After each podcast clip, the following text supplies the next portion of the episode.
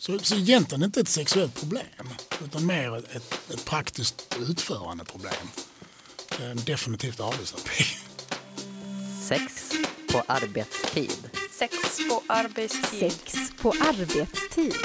En podd om SRHR för dig som jobbar inom vården.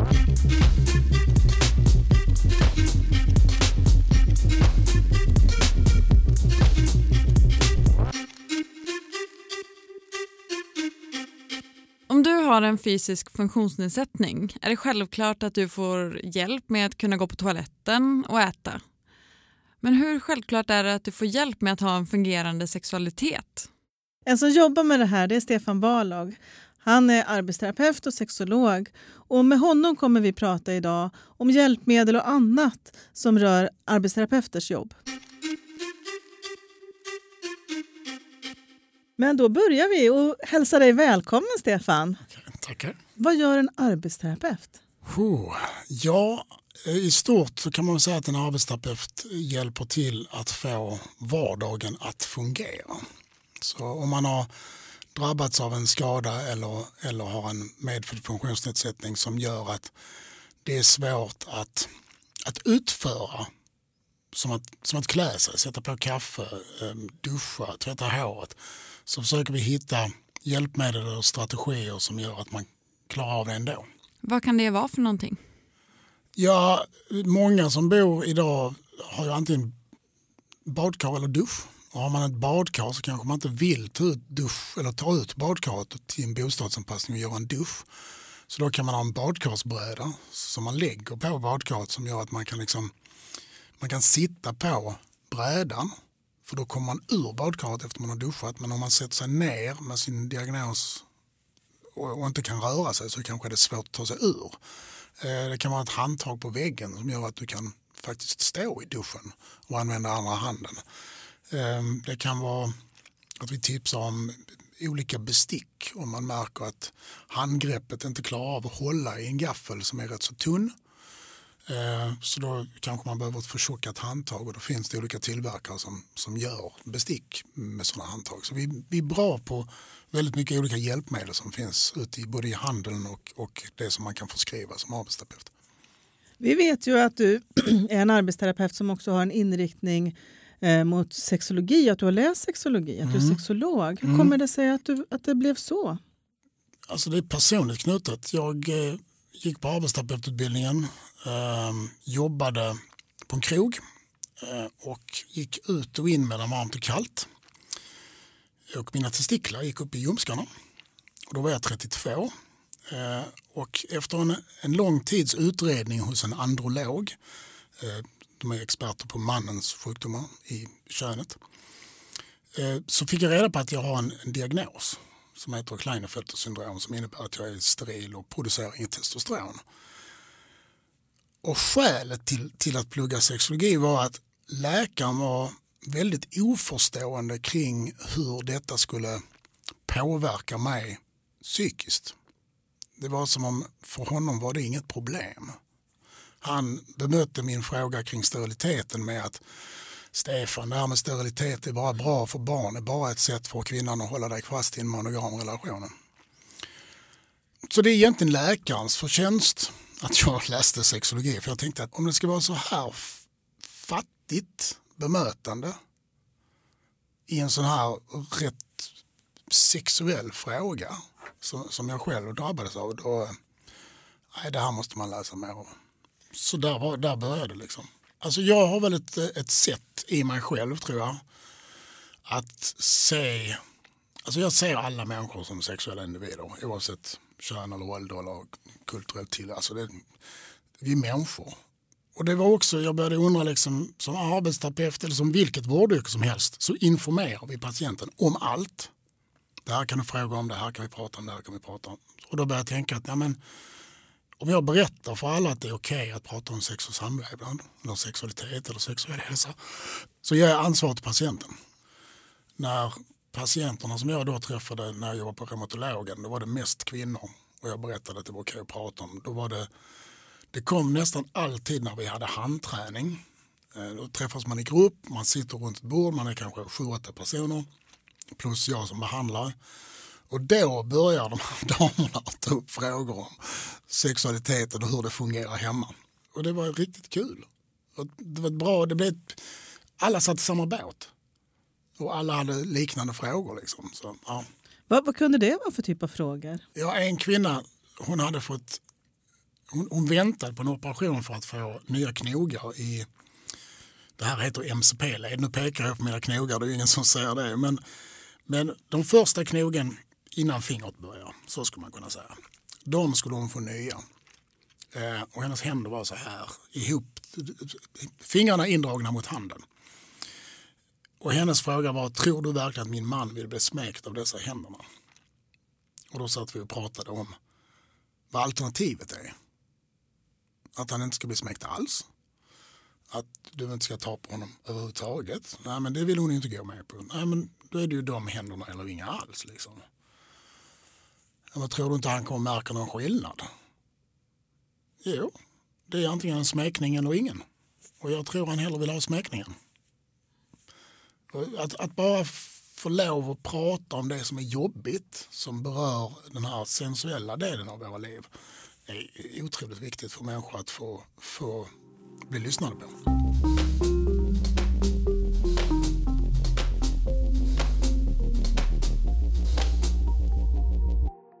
Kan du ge en bild av alltså, vilka är de vanliga patienterna som du möter? Eh, just nu där jag jobbar på Buss och och kunskapscenter i Stockholm eh, så träffar vi personer som har medfödda funktionsnedsättningar. De har cerebral pares, ryggmärgsbråck, eh, muskelsjukdomar. Kan också ha tidigt förvärvade hjärnskador, traumatiska hjärnskador. Eh, vi träffar ryggmärgsskadade, vi träffar personer med någon form av neurologisk sjukdom. Det kan vara stroke, det kan vara eh, traumatisk hjärnskada, det kan vara MS, det kan vara ME. Alltså i princip vilken diagnos som helst som ger en fysisk rörelsenedsättning. När man har en sån otrolig variation i de patienter man möter, får man också typ tusen olika sexologiska frågeställningar då? Egentligen utgår den från bara en fråga. Eh, och det är alltid målbilden som är frågan. Eh, och frågan brukar vara om man vill ha sex med en annan person eller andra personer så är det ja en fråga om sex. Och vill man ha, kunna onanera själv så är det ja en fråga om sex. Så det är frågan om sex som kommer upp eh, och sen är det att börja nysta i det lilla garnnystanet. Och det kan, vara, det kan bli hur stort som helst. Kan du ge några exempel på hur, det, hur så, så vi bättre förstår? Hur skulle det kunna vara? Jag träffade en kvinna som var 76 då, eh, tror jag. Hon hade också reumatism, också bytt ut eh, knogar och blivit stelopererad i handleder. Så hon hade, liksom, hon hade ingen möjlighet att böja handflatan in mot armen eller utåt. Eh, och hon kom till mig eh, kring andra ärenden i hennes liv. Och tredje eller fjärde gången så sa hon att ja, du sa att vi kunde prata om sex. Ja, det kan jag göra. Jo, men jag skulle vilja kunna onanera men hur, hur gör jag det? För jag, hon hade blivit underbensamputerad också så att hon hade hon berättade att hon sov i sin rullstol. För hon hade inte tillräckligt med insatser för att få hjälp i sängen. Och om hon nu ville kunna onanera så ville hon helst kunna ligga ner. Eh, så då eh, så att det enklaste är väl att vi åker hem till dig och så får vi dig i sängen och ser vad du kan göra när du väl ligger i sängen. Eh, så då åkte jag hem med henne och så, och så hjälpte jag henne att komma i säng och så tränade vi på det. Och när hon väl hade kommit i sängen så, så såg vi att ja, men om, hon, om hon skulle ligga på sidan med en kudde mellan benen eh, och ha det hjälpmedel hon skulle vilja använda för att stimulera sig själv så skulle det kunna fungera om vi, om vi hittar någonting med bra knappar eh, och det skulle vara penetrerande sa hon för att jag är 79 Stefan och det ska in. Så då efter det så möttes vi nästa gång på en sex, sexhjälpmedelsaffär. Eh, där vi tittade på olika hjälpmedel som, som skulle ge den frekvensen hon ville ha eh, och att hon kunde slå på avlen med, eh, med med hakan eller med armbågen eller någon annan del för hon kunde inte använda fingrarna. Så, så, så, så egentligen inte ett sexuellt problem utan mer ett, ett praktiskt utförande problem. Ehm, definitivt arbetsterapi. Så, så kan det se ut. Eller en man som hade fått eh, han hade muskelsjukdom och eh, han hade blivit mindre aktiv eh, tillsammans med sin fru och det var alltid han som skulle ta initiativ. Vilket de var överens om. Ehm, och hon hade fått ta över den rollen men då upplevde hon att hon inte blev lika upphetsad. Hon kände sig tvingad och det kändes inte bra i relationen. Så då kom han och frågade hur, hur gör vi? Och då börjar man ju fundera, ja men hur, hur gjorde ni innan? Ja men innan kunde jag röra mig, okej, okay. men vilka ställningar använde ni? Eh, uh, och då fick man veta vilka ställningar, det var ju det var missionären eller det var uh, bakifrån eller det var alltid sängen. Alltså de, de fungerar, vi tar bort sängen helt och hållet. För har man en rörelsenedsättning blir sängen ett tortyrinstrument i sig. För det blir friktion mot friktion. Det blir svårt att röra sig helt enkelt. Och så frågar man om han hade lyft hemma och det hade han. Eh, och då tänkte jag, men vad vill du göra nu då? Ja, men jag skulle vilja stimulera henne oralt. Då är mitt tips att, att kolla med din arbetsterapeut om man får en, ett extra lyftband. För han hade sådana här band där man satte runt bålen, runt under armarna och så ett runt benen där nere. Och så lyfter man upp personen så man hänger liksom med rumpan neråt och knäna sittande fast i en sele. Och, så. Eh, och då tänkte jag att de skulle ha varsin sele på, på hennes ben. Ett på högerknät och ett på vänsterknät så att hon sitter särad. Och sen så trycker han upp och då flyger hon upp i luften. Och så kör han fram med sin rullstol och så tillfredsställer han henne. Va? Ska hon hänga i taket? Ja, alltså så länge ni är ensamma är det väl ingen som bryr sig. Liksom. Men det är inte heller ett sexuellt problem. Det är ett positioneringsproblem. Så så kan det se ut ungefär. Ja, mer än sexologisk expertkunskap låter det som att det handlar om att vara kreativ. Det är problemlösning och det är arbetsterapeuters nyckel, nyckelbegrepp. Att hitta lösningar på vardagliga situationer. Det är mycket analysera vad personen vill, lyssna på dem till de är klara, till och med till de har, till de har kommit ut allting de vill säga.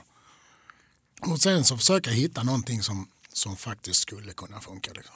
Och funkar det inte så får man ju bara gå tillbaka och fråga liksom, hur, hur gick det sist? Nej men det blev inte bra, vi tyckte inte det kändes bra. Nej men okej. Hur skulle ni vilja ha det själva?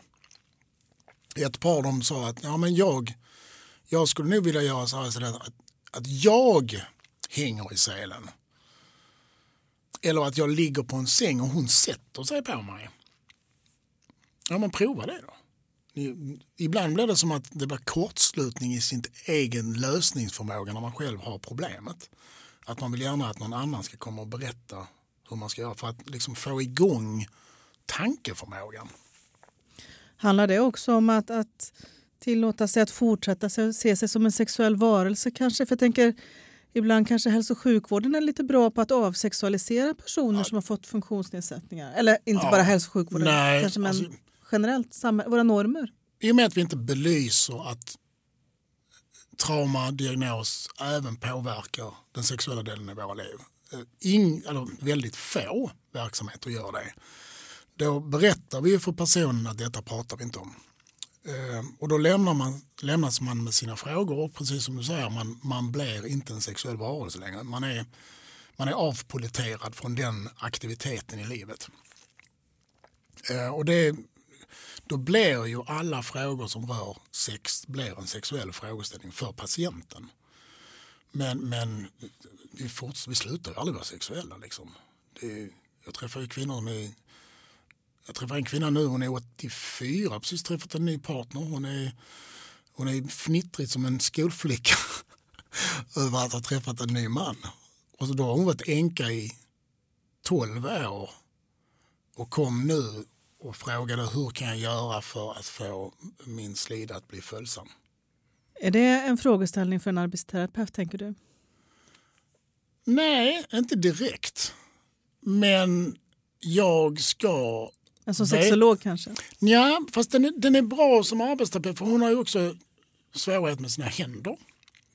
Och då hitta ett hjälpmedel som fungerar för dig, det är definitivt arbetsterapeutens roll. Men att veta exakt vilken intervention, ja det är kanske gynekologens. Och det ska i alla fall arbetsterapeuten ha kunskapen och kunna referera till, till en gynekolog. Så vi, vi måste liksom ha koll på vårt ansvar. Vi har, vi, har ingen, vi har ingen rätt att säga nej, det där pratar inte jag om. Vi begår tjänstefel. Och, och det är jätteviktigt att tänka på. Jobbar alla arbetsterapeuter med sexologi? Eller vad man nu ska säga? Eh, jag tror det är fler som jobbar med det än som går ut och säger det. Men jag tror det är väldigt få som gör det. Ser du att det är några förändringar eller blåser några förändringens vindar här? Jag tänker också Ja, det gör det. Om man tittar på regionerna i Sverige så, så börjar ju benämningen sexuell hälsa komma upp. Hur ska kommunen förhålla sig kring det? Hur ska LSS-verksamheter arbeta? Hur ska, hur ska vi arbeta på våra skolor? Eh, hur, så, så det börjar ju ändras successivt samtidigt som vi har mörka vindar som säger att det här ska vi inte prata om eller det här ska vi inte prata om. Så att, så att vi, vi håller på, just nu är, är vattnet väldigt grumligt. Men jag tror att det blir klart.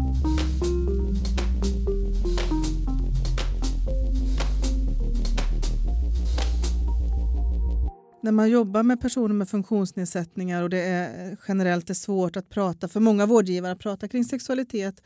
En extra utsatt grupp kan ju vara personer som också lever med normbrytande sexualitet.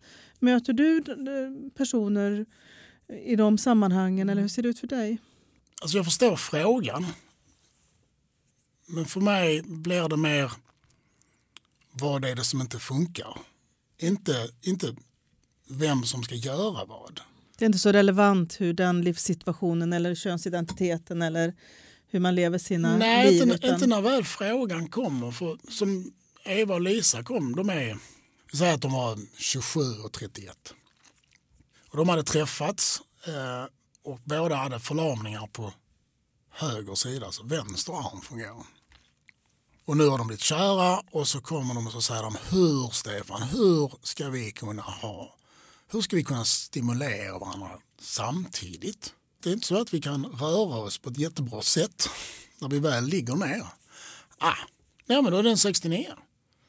Och de tittar på mig som, jag, som ett frågetecken. De förstår inte alls vad jag menade. Så människorna vi träffar kan också ha ett, ett stort glapp i sin information. Så då eh, tänkte jag, ja.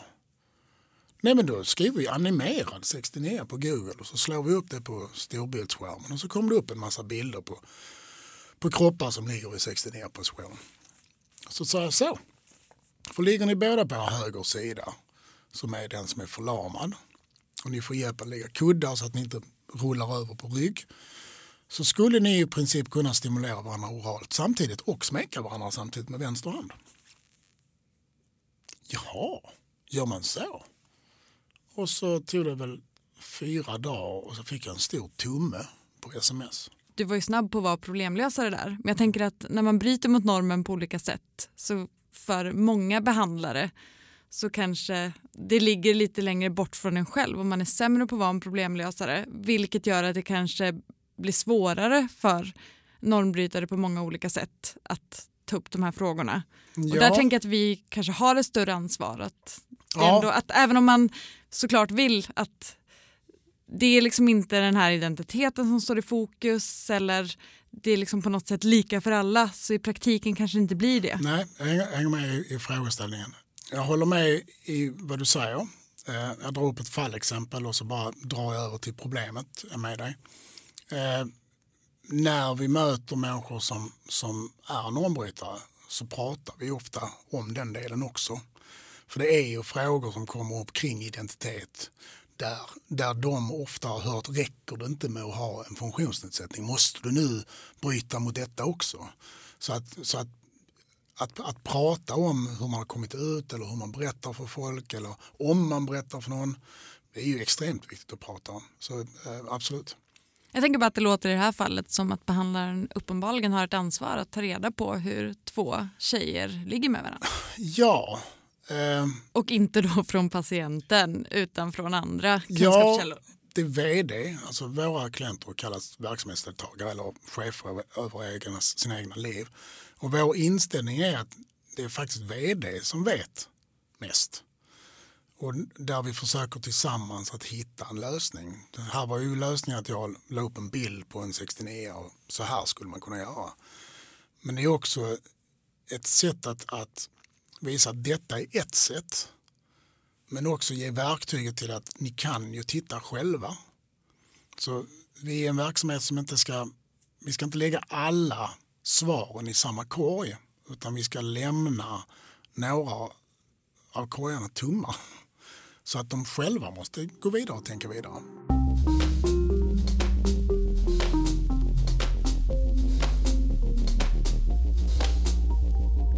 Jag tycker det belyser något också som, som jag vet vi har pratat om i en annan podd vi har gjort som handlar om intellektuell normbrytande funktion.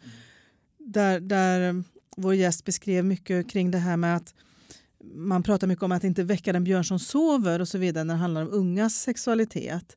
Är det någonting du märker också när det handlar om fysiska funktionsnedsättningar hos barn och unga som Ja, som kanske har en, en medfödd... eh, ja.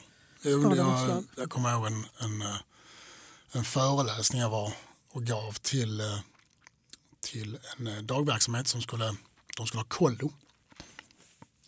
Och då var det väldigt mycket väck inte björnen som sover. Och jag har försökt förklara att den sover inte, det vet du väl. Och då var det en fråga, för de hade haft, förra året så hade de haft en tjej och en kille som hade velat gå iväg. Och de här två skulle komma i år igen. Och de frågade vad har vi för ansvar? Så ni har inget ansvar alls. De, de är ju över 15 så de får ju lov att, deras sexliv är deras. Alltså. Ja men tänk om någonting händer. Så så ni sa att det var ett kollo för rörelsehindrade. Hur förflyttar sig de här två personerna?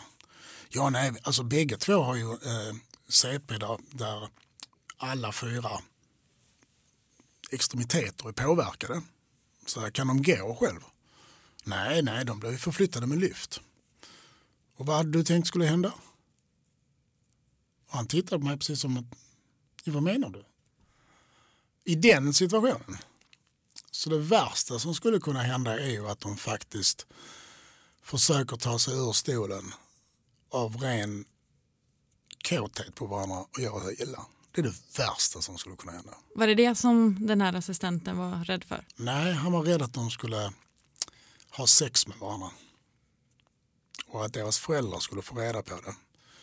Och att assistenterna som hade kollot skulle bli ansvariga för någonting. Här låter det som att vi har massor att jobba med. Ja, vi har jättemycket att jobba med. Eh, Jag har ju träffat personer som vill lära sig att ta sig ur rullstolen själva med liknande eh, funktionsnedsättningar. Och med ihärdig träning så fungerar det. Det går jättebra. Och, och då har man ju löst göra sig illa-biten. Sen den andra biten, jag menar är man, om, alltså de flesta som vill träffa någon och ha en sexuell relation med någon är ju väldigt motiverade till att lära sig en mängd nya saker. Det är liksom gratis motivation. Om jag skulle få önska så skulle jag önska att alla som jobbar med rehabilitering eller habilitering lyssnar på detta.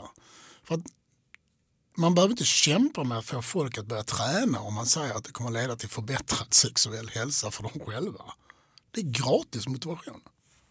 Vi har ju pratat ganska mycket om alltså rehabilitering. Alltså Någon som har eh, fått en sjukdom eller en skada. Ja. Eh, om det är medfött, alltså hur, hur är det med sexualiteten då? Sexualiteten är ju i, på samma sätt eftersom alla är människor. Men, men svårigheten kan vara att, att man inte har fått ta del av samhällets erbjudande, alltså överlag. Över, man har inte möjlighet att delta på samma villkor. Eh, ibland så blir man, får man placering i, i speciella skolor där, där personer går då så kallat integrerat men de går i en egen klass med andra som också har en funktionsnedsättning. Så att man får inte, man får inte del av det stora samhället.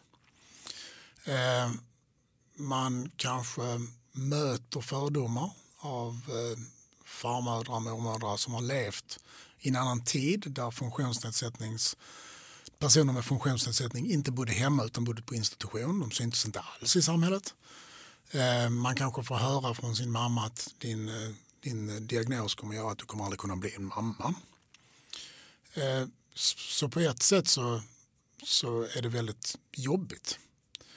Samtidigt som personen med funktionsnedsättning själv vet att nej, jag, jag blir kåt, jag kan få erektion, jag blir blöt, allting fungerar.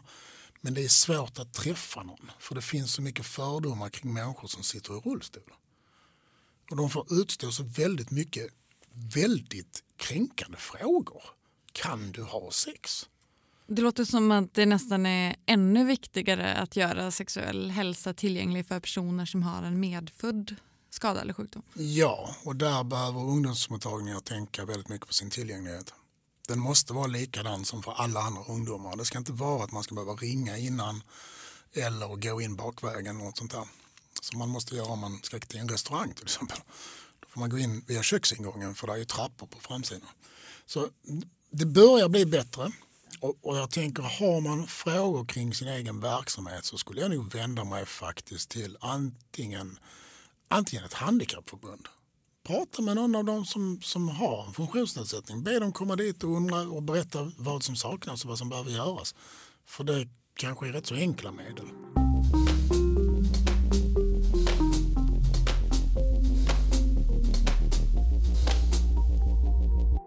Vilka sexuella hjälpmedel jobbar du med?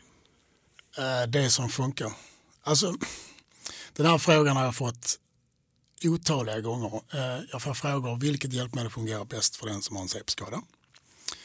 Det är ungefär som att säga att om du träffar en man i en svart läderjacka så finns det bara ett hjälpmedel för män som har svarta läderjackor. Det, det funkar liksom inte så. Till Jenny som var 76 så fungerade en Magic Wand. Magic Wand är eh, ett hjälpmedel som är egentligen ett klitorishjälpmedel. Alltså det är en stor stav på och av eh, med en, en boll på slutet som, som man ska lägga mot klitoris och venusberget. Men, men det finns också en, en attachment till den som man kan göra så att man kan stoppa in den i slidan. Så hon kunde liksom ligga på den. Och den var så pass stor så att hon kunde hålla i den och så var den nätsluten så att hon fick bra frekvens. En tjej eh, hade fått en, en hjärntumör som liten, hade en förlamad högersida, hade en vänsterhand som fungerade sådär, men hon blev väldigt trött. Och då hittade vi en, en We-Vibe. Eh, den är tudelad, men den ser ut som om man sätter tumme tumme och pekfinger i en halvcirkel. Det låter som en vibrator. Ja, det är en klitoris och en vagina-vibrator samtidigt med 46 olika program. Och den kunde hon föra in i slidan. Och så låg den andra delen på klitoris och så satte hon på sina program. Och så somnade hon med den i. Fick orgasmer, behövde inte ta stesolid någon gång alls längre. Och, och, det är helt enkelt att hitta det hjälpmedel som fungerar för den personens önskning om vad den vill tillfredsställa, hur händer, fingrar, fötter, mun fungerar. Så inte i princip en enda sorts hjälpmedel utan hitta det som funkar. Liksom. Men, då, men då gäller det att, att man tittar på vilka funktioner finns. Vad, vad kan personen använda på sin kropp? Och hur kan vi anpassa miljön så att det funkar. Har du fler exempel på saker som har funkat? Konen. Konen är helt ljuvlig. Den känner jag inte till. Alltså det ser ut som en, eh, det ser ut som en, eh, en kon. En, en liten eh, låg sak. Den är ungefär 15 centimeter hög. Den är antingen rosa eller grå. Eh, också en massa olika program. Eh, och så fort man sätter sig på den så, så börjar den vibrera. Så den stimulerar både slidmynningen, eh, klitoris och hela blygdläppsområdet. Eller anus om man, om man vill sitta på den på, med anus. Och då behöver du inga händer. Så, så väldigt många tjejer har ja, många tjejer med CP har båda armarna som är påverkade så att man kan inte liksom styra armen viljemässigt. Men man kan sitta på knä. Alltså man kan sitta så att man eh, där rumpan faller ner mellan fötterna. Hänger ni med vad jag menar? Ja. Man sätter sig på knä och så låter man knäna falla ut. Och då, då kan man sätta sig ner på konen och så är den mjuk. Fast den ser stenhård ut. Men så är den mjuk och så vibrerar den och så fungerar den. Den är ju skitbra. Men till män är det väldigt få hjälpmedel som finns. Och där är det nästan bäst ur behandlingsperspektivet när man träffar en person som har en medfödd skada som aldrig har onanerat. För då är det mycket enklare att hitta något annat hjälpmedel som kan ge njutning än en person som har en förvärvad skada som har gjort på ett specifikt sätt hela sitt liv. För att ändra ett sexuellt tändningsmönster, det gör vi inte i invändning. Har du exempel på sådana saker som har funkat för penisar? Ja, eh, då finns det en som har det underbara namnet Megabator. Eh, och då fungerar den som ett, som, eh, som ett rör, den har, det är som ett rör med en kopp och koppen går upp och ner. Eh, reciprocating movement säger man på engelska, fram och återgående rörelse. Som sitter precis på ollonet och lite grann av, av förhuden. Eh, och då, då simulerar den hur, hur en man onanerar med handen. Det här med, med kostnad, för jag vet inte om du känner till, i Västra Götalandsregionen så vad jag vet så finns det inga, inga hjälpmedel eh, som är gratis. Det finns inga hjälpmedel som är gratis i hela Sverige. Det finns inte någonstans i hela Sverige. Så hur, hur, får personer råd med hjälpmedel? Ja, där har ju staten någonting som heter merkostnadsersättning. Eh, och då är det merkostnader som man har på grund av sin funktionsnedsättning. Och då kan man när, man, när man ansöker om det här då ska man skriva ner sina merkostnader som man har. Då kan det vara sjukhuskostnader, läkemedelskostnader, färdtjänst beroende på region, sjukresor, det kan vara olika träningar, specifika kläder, allting som berör funktionsnedsättningen eller diagnosen. Eh, och då kan man skriva upp eh, hjälpmedel, sexualhjälpmedel, glidmedel, Viagra, ja, eh, allt, allt sånt. Är det sånt som, som personen fyller i själva eller är det som, hjälper du som arbetsterapeut till med, med sådana ansökningar? Eller? Som arbetsterapeut hjälper jag egentligen till men där jag jobbar nu jobbar jag som konsulent och mitt yrke råkar vara arbetsterapeut och då ingår det i mitt konsulentjobb. Jag tror det är kuratorn som hjälper till med det. Jag, jag tror det är eller jag tycker att det är allra bäst om man själv behöver ansöka om det att man tittar på vad Försäkringskassan säger vad som kan ingå. Eh, och då skulle jag säga att skriv ner allt och så får Försäkringskassan råda i vilket som hör till ditt funktionshinder och inte. Och vad det kostar. Hur tycker du att verksamheter inom Västra Götalandsregionen där arbetsterapeuter är verksamma ska utveckla sitt arbete med sexuell hälsa? Jag tycker att när de tar anamnes så ska de avsluta anamnesen och säga har du frågor om sexualitet eller samlevnad så kan vi prata om det.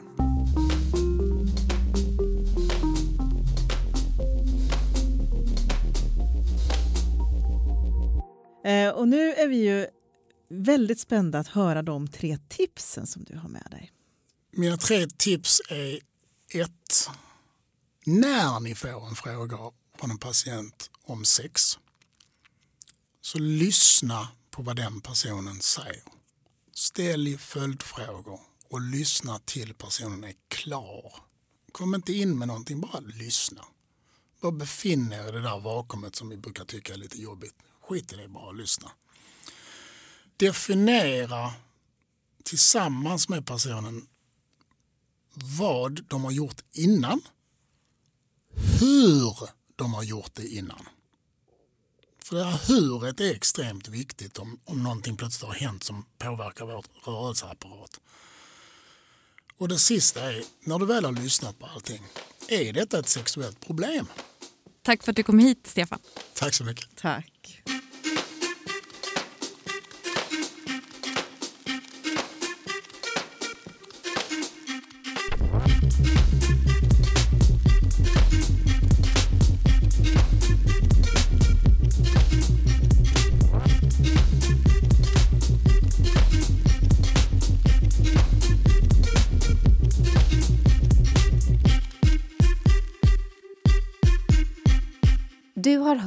Sex på arbetstid, en podd av och med Jennifer C, Elin Klingvall och Anna Skoglund på Kunskapscentrum för sexuell hälsa, en del av Västra Götalandsregionen. Sex på arbetstid produceras av Malin Holgersson på uppdrag av Kunskapscentrum för sexuell hälsa.